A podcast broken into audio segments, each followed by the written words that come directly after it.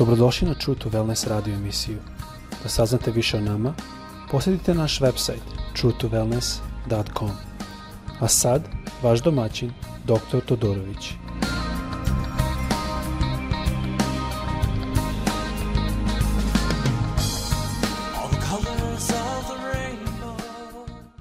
Dobrodošli na naš podcast. Ovo je sada treći deo gde govorimo malo o strahu, Izabrao sam malo čudan stih, samo zato što u prva dva dela smo govorili što je Isus pokazivao strahu, zadnji deo govorio sam malo o tome da je Isus bio u brodu, i iako je bio u brodu, oni su um, pokušavali svojom snagom da se oslobode problema u kome su bili, to je talasi su ulazili, talasi su veliki bili. I najzad kad su pozvali Hrista u pomoć, Isus je ustao i prva sva što je rekao, je zašto se plašite vi maloverni. Znači, on je prvo pokarao njihov strah i povezao taj strah sa malo vere. To je jako bitno da, da shvatimo da je to on uradio. Ima tu više slika uh, u tom delu što smo govorili. Jedno je da su učenici pokušavali sami svojom snagom da savladaju problem. Druga slika je da su oni uh, morali vapit, to jest probuditi Hrista, to jest pozvati Hrista u njihovu situaciju. To je danas mnogo puta slučaj. Mi imamo ovu bolest koja se širi po celom svetu. Ovde u Floridi da se ja nalazim literalno u vreme kad je ovo snimano, mi dobijemo za dva dana koliko Srbija ima e, općenito totalno toliko brzo ovde raste, jer narod nema disciplinu, nije u stanju da bude discipliniran, iako kažu da su rišani. Tu možete videti šta sve to znači. Ali um, svaćamo da kada dođemo tu situaciju, da mi ne možemo rešiti situaciju. Jedna stvar što svaćamo je da gospod želi da njega pozovemo u situaciju. Strah je zaista jedna stvar što će nas zaustaviti u našim stopama. Mi znamo iz Mateju 14. glava, da sada ne čitam, znamo da je Isus hodao ka studentima na vodi. To je druga jedna situacija da su studenti bili na moru, u ovom slučaju su bili sami i bila je velika bura i ličila kada će da potonu. Ja sam bio na Galilejskom moru, znam da je prilično duboko. Um, to, je, to je tektonička folta. I, znači, tektonički polom je tu i zato je vrlo duboko to, to more. U stvari nije more, to je slatka voda ali vrlo je duboka, tako da nema tu mesta da su da je Isus mogao hoda, da ljudi misle da je tu ne, bio neki neka plitka voda. Da je bila plitka voda, učenici, je jedna od kojih najmanje, a više možda su bili a, ribolovci na tom moru, bi znali, ako su oni lovili ribu tu ili ribolov radili tu, oni bi znali da tu ima negde plitko. Ne bi se onda oni borili toko da, da pobede. E, da, da savladaju to, to, tu oluju. Znači, Isus kad je hodao na moru, to je bila duboka voda, to je bilo čudo. E, opet, mislim, sami učenici su njegovi tu odrasli, oni znaju to more.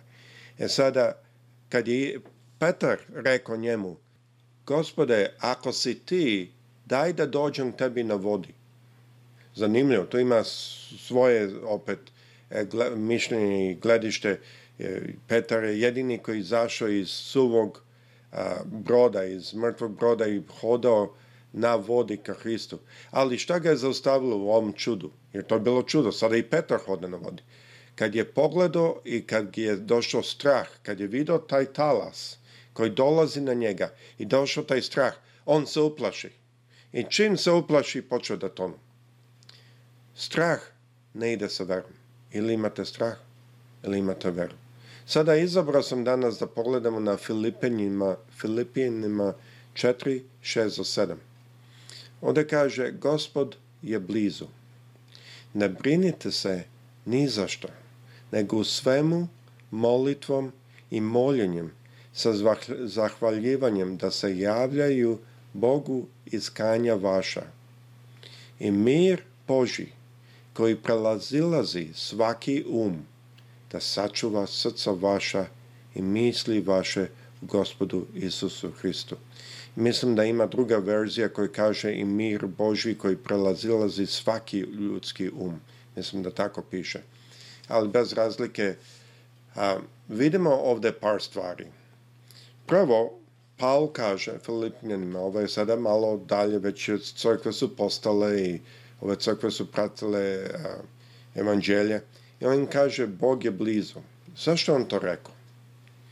Zato što ako znamo da Bog dolazi i da je On blizu, onda nećemo se hvatati stvari ovoga sveta. Mnogo puta zašto narod nije mogo da, ne može da stoji u miru je zato što se hvata za stvari ovoga sveta. Hoću da dobijem novca ovdje, hoću ovo, hoću ovo. Ima, ja znam da ima puno bola u Srbiji. Mnogi koji slušaju ovo možda nemaju dovoljno. I znam to i mi što možemo pomognemo, ali ima toliko velika potreba da nijedan čovjek ne može sve uraditi. Ali nijedan čovjek ne može. Bog može. I zato je bitno da mi priđemo na tu stranu da ne živimo u strahu, nego hodamo u veri. A za to prvo moramo znati da je Bog blizu, da On dolazi, da naš život nije ovde, da se spremamo da idemo gore. I onda šta kaže? Šta je njegov pustvo? Ne brinite se, nemojte se plašiti. Zato, šta to znači ovde? Nemojte se plašiti. Za ništa. Ne brinite se za ništa. Razmišljajte o tome samo za malo. Šta to znači? Ne brinite se za ništa, nego svemu molitvom i moljenjem sa zahvaljivanjem da se javljaju Bogu iskanja vaša. Ovo je jako bitno i ovdje je jedno upustvo. Mislim da previše puno puta mi uzmemo ove reči i kažemo, to je lepo, Bog nas hoće ohrabriti. Da, Bog želi da nas ohrabri, ali ovo je upustvo. On je rekao, ne brinete se. On nije rekao, ako mislite da možete, nemojte se brinuti ili A ako možete da se nasekirate bolje, on je rekao ne brinete se, to je jedna zapovest. Ne brinete se za ništa. A Jeste čuli to? Za ništa. Nego, šta? U svemu molitvom i moljenjem sa zahvaljivanjem da se javljaju Bogu iskanja vaša. Ako smatramo da je ovo jedan recept što nam je Bog ovde dao, onda šta on kaže? Prvo, ne brinimo se, nema straha i onda da nam recept. Kada imao neki problem, da se ne brinemo ništa za to, nego da dođemo njemu sa molitvom, sa moljenjem i sa zahvaljivanjem. To nam pokazuje jedan stav u kome trebamo doći, ne u očavanju, ne misleći da ćemo sa mnogo reći da ga zadobijemo, ne misleći da mi moramo plakati i hodat na kolenima dok ne krvarimo što god, znam da neki to rade, do drugim e, crkvama. Ništa od toga. On želi da dolazimo sa zahvaljivanjem, sa jednim zahvalnim srcem. Zašto? Što znači zahvalno srce? To je srce što zahvaljuje Bogu za sve što je uradio ranije. Znači, kad imamo problem, na primer, ovaj pandemik za koji radimo, on želi da dođemo njemu sa zahvalnim srcem, da kažemo hvala ti Bože, znam da ovde ljudi umiru, ali ja se uzdam u tebe. To je duh u kom on želi da dođem. I šta kaže? I mir Boži koji prelazilazi svaki um. Šta dolazi, šta Bog nama daje? Mir Boži. Kad mi to uradimo i dođemo ka njemu, sa jednim zahvalnim srcem, iako smo u problemu, mir Boži dođe kakav mir koji prilazi, prilazilazi svaki ljudski um, kaže ona druga verzija. Da saču, sačuva srca vaša i misli vaše u gospodu Isusu. Zašto kaže sačuva srca vaša? Znači, kad mi njemu dođemo ovako, na ovaj način, sa zahvaljivanjem, sa jednim poverenjem, sa jednom verom, kaže i mir Božji koji prelazilazi svaki ljudski um, koji nije nadprirodan, koji je iznad normale, će da sačuva naša srca. Od čega? Od straha. Od što đavo može da donese. Od tih otvorenih vrata. Da strah uđe i polomi našu veru. Taj mir dođe i sačuva naša srca. I naše misli u gospodu Isusu Hristu. Ovo je jako bitno da shvatimo. Zanimljivo da je ovako pisao Paul. Želim pročitam samo još jedan drugi stih.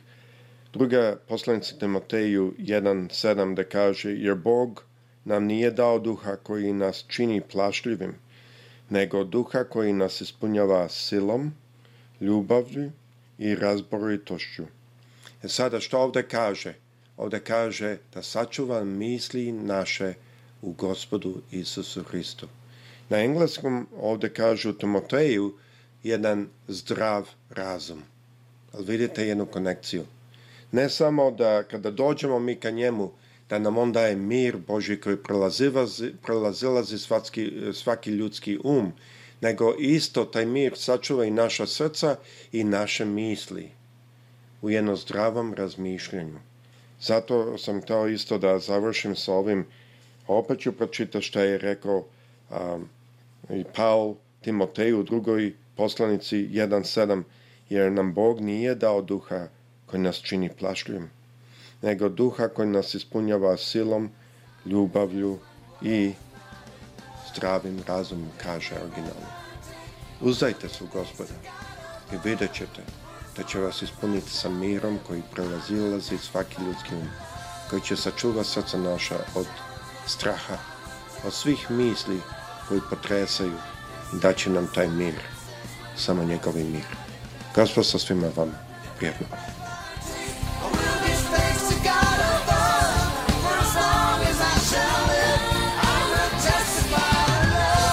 Slušajte True to Wellness radio emisiju. Pridružite nam se ponovo svaki utorak, četvrtak i subotu. Za kontakt molimo posjetite naš website truetowellness.com. Naša e-mail adresa je info at truetowellness.com. 在身边。